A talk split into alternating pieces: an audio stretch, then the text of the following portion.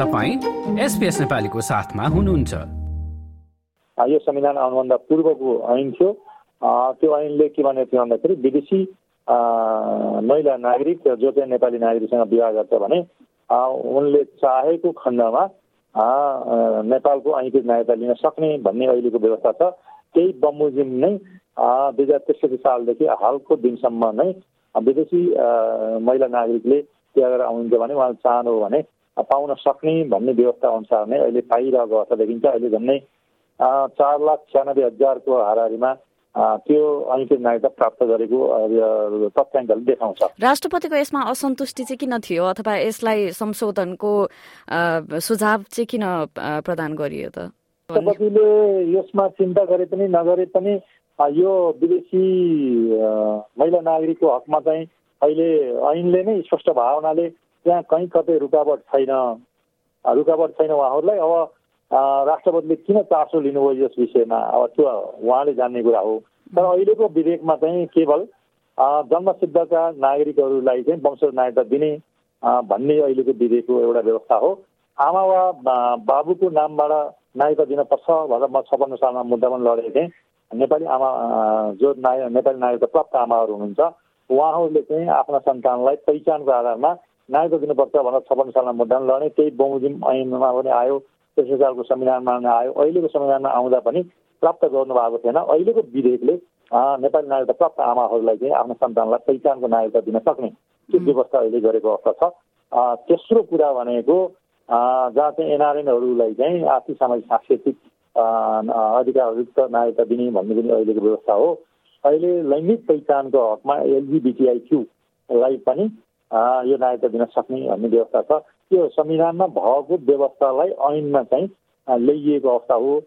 पहिलाको विधेयकमा चाहिँ समग्र नागरिकताको हकमा चाहिँ समस्या समाधान गर्ने गरी आएको थियो। अहिले चाहिँ संविधानभन्दा बाहिरको जुन चाहिँ संविधानले एडजस्ट नगरेको कुरालाई चाहिँ यसले एडजस्ट गरेको थिएन। अब राष्ट्रपतिले यसलाई चाहिँ एउटा चाहिँ स्मरणसहित र आठवटा बुदासहित जो सन्देश सहित दिनुभयो। पहिलोपटक पहिलोपटक दिएपछि संविधान त के छ भन्दाखेरि संसदले स्पष्ट रूपमा पहिलाको जे छ एजिटिभ पुनर्विचार गर्दाखेरि एजिटिभ छ भने एजिटिभ होइन भने संशोधन गर्न जान सक्ने दुईवटा विकल्प थियो। त्यो विकल्प मात्रै एज इट इज नै जे व्यवस्था थियो त्यही नै पारित गरेर सभामुखले प्रमाणीकरण गरेर राष्ट्रपति कहाँ पठाएको अवस्था थियो। राष्ट्रपतिले दोहोऱ्याएर चाहिँ फेरि सन्देशसहित पठाउन सक्ने संविधानिक व्यवस्था छैन।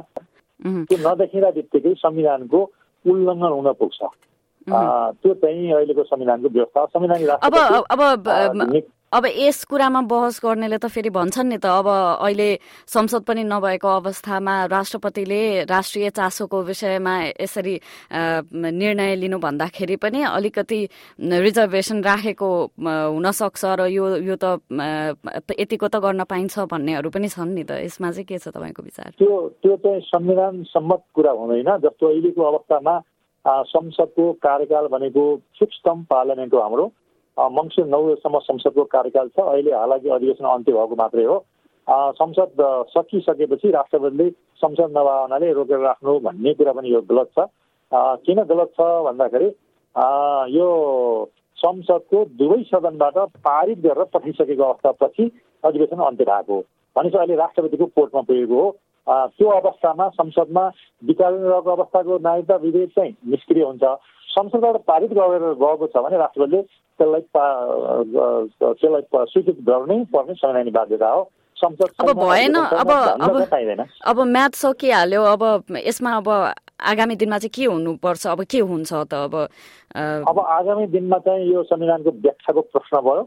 अदालतको न्यायिक पूर्णाङ्गको विषय पनि भयो। किनभने पन्ध्र दिनभित्र स्वीकृत गर्नै पर्ने व्यवस्थालाई चाहिँ राष्ट्रपतिले नगरेको कारणले राष्ट्रपति विरुद्धमा सामान्य सर्वोच्चमा मुद्दा परेका छन् पाँचवटा मुद्दा र आज चाहिँ शोकसको लागि चाहिँ मुद्दा हेरिङ हुँदैछ। र त्यो हेरिङ भइसके पछाडि सर्वोच्चले पन्ध्र दिनभित्र किन चाहिँ स्वीकृति नदिएको दोहोऱ्याएर चाहिँ पकेटभित्र राख्न सक्ने पनि नभएको सन्देश पठाउन नभएको र हिजोको जस्तो पहिलो संविधान सभाले राष्ट्रपतिलाई कार्यकारी अधिकार दिएको अहिले नभएको त्यो स्थिति भएर किन राख्यो भनेर त प्रश्न सोध्छ नै त्यो बमोजिम न्याय प्रदान गरेर सर्वोच्चको संवैधानिक इजलासमा गम्भीर संवैधानिक प्रश्न उठेको देखिन्छ त्यो उठेपछि संवैधानिक इजलासले पन्ध्र दिनभित्र पारित गर्नै पर्ने व्यवस्था संविधान भावनाले यो चाहिँ विधेयकलाई चाहिँ अब अब हेर्नुहोस् जारी गरेर यो चाहिँ स्वीकृत गर भनेर परमादेश जारी गर्न सक्ने ठाउँ चाहिँ भोलि हुन सक्छ चन्द्रकान्तजी अब जस्तै भन् यो अब सर्वोच्च अदालतमा अब आजदेखि अब सुनुवाई सुरु भयो होइन यसमा बहस हुँदैछ। दसैँको विधा पनि सुरु हुन लाग्यो। त्यसपछि चुनावको चटारो। अब यो विषयलाई सल्टाउनको लागि समय कम छ होइन र? होइन अहिले चाहिँ अब अदालतमा त आज चाहिँ शोकत गरेर अग्राधिकार राख्यो भने अब लगत दसैँको लगत्तै फेरि सर्वोच्च आलमा त्यो मुद्दा हेरिङ हुन्छ। हेरिङ भइसकेपछि उसले संविधानको व्याख्या गर्नै पर्यो। गर्दाखेरि पन्ध्र दिन भन्ने प्रश्न स्पष्ट व्यवस्था छ। पन्ध्र दिनभित्र नगर्दाखेरि पकेट भिटो लगाउन सक्ने राष्ट्रपतिलाई अधिकार छैन।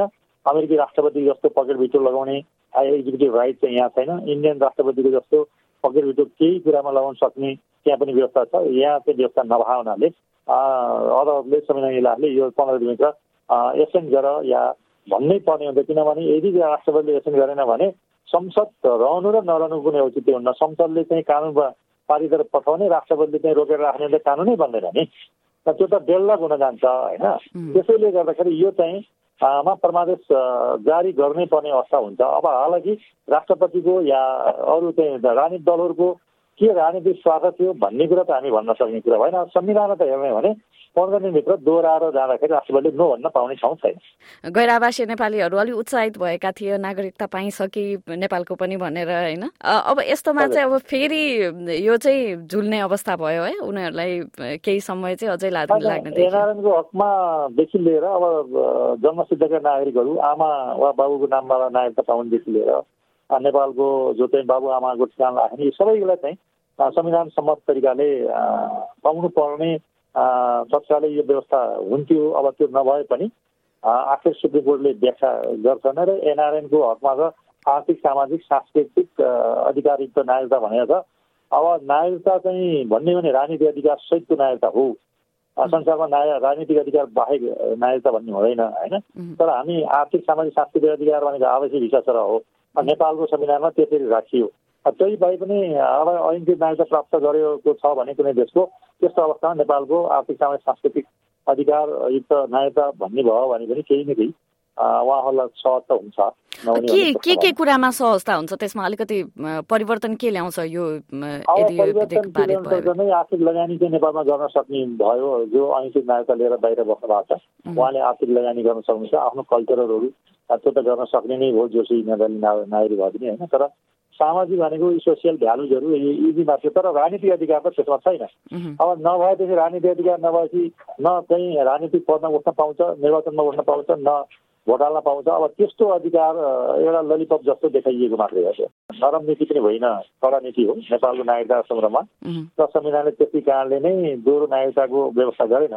अब यो एनआरएनको मात्रै होइन ब्रिटिस गोर्खाजहरू जो चाहिँ आवश्यक भिसा पाएन विलासमा गएर उहाँहरूले त्यहाँ नागरिकता प्राप्त गर्नुभएको छैन यहाँको नागरिकता चाहिँ आवश्यक भिसा प्राप्त गरे हुनाले निष्क्रिय रहेको अवस्था छ भने ब्रिटिस गोर्खाजहरूलाई पनि जो नागरिकै लिनुभएको छैन भने उहाँलाई त यो संविधानले एडजस्ट गरेको अवस्था छैन भने अब एनआरएनको हकमा त अहिले नागरिकता प्राप्त गरेको अवस्थामा दोहोरो नागरिकताको सवाल उठ्ने नै भयो। अमेरिकामा चाहिँ एफएम अफसेटको एउटा मुद्दा छ झन्डै तिन चारवटा मुद्दाहरू छन्। त्यहाँ चाहिँ यदि चाहिँ वंशजको नागरिकता होस् या एउटा चाहिँ जस सेङ्गुनिस या जस सोलीको नागरिकता होस् त्यसले प्राप्त गर्छ भने फर्स्ट स्टेजको नागरिकता प्राप्त गर्ने जोसुकै नागरिकहरूले आफूले आफू खुसी परित्याग गरेमा बाहेक राज्यले कानुन बनाएर या संसदले कानुन बनाएर सरकारले निर्णय गरेर प्रश्न पाउँदैन भन्ने त्यो व्यवस्था र व्याख्या भएका छन्। नेपालमा पनि जो चाहिँ वंशजको नागरिक छ त्यो नागरिकलाई कसैले आवश्यक भिसा लिन्छ या कसैको अन्य देशको नागरिकता लियो भने त्यसले आफू खुसी त्याग्यो भने मात्रै त्यो नागरिकता खुसी नै हो होइन भने कानुन बनाएर खोज्न पाइँदैन भन्ने संसारको सिद्धान्त ले चाहिँ त्यही भन्छ संवैधानिक सिद्धान्तले त्यो मानिरहेको छ। यसलाई चाहिँ राज्यले चाहिँ कस्तो नीति लिने भन्ने पनि भर पर्छ। यो जस्तै अन्य प्रस्तुति सुन्न चाहनुहुन्छ?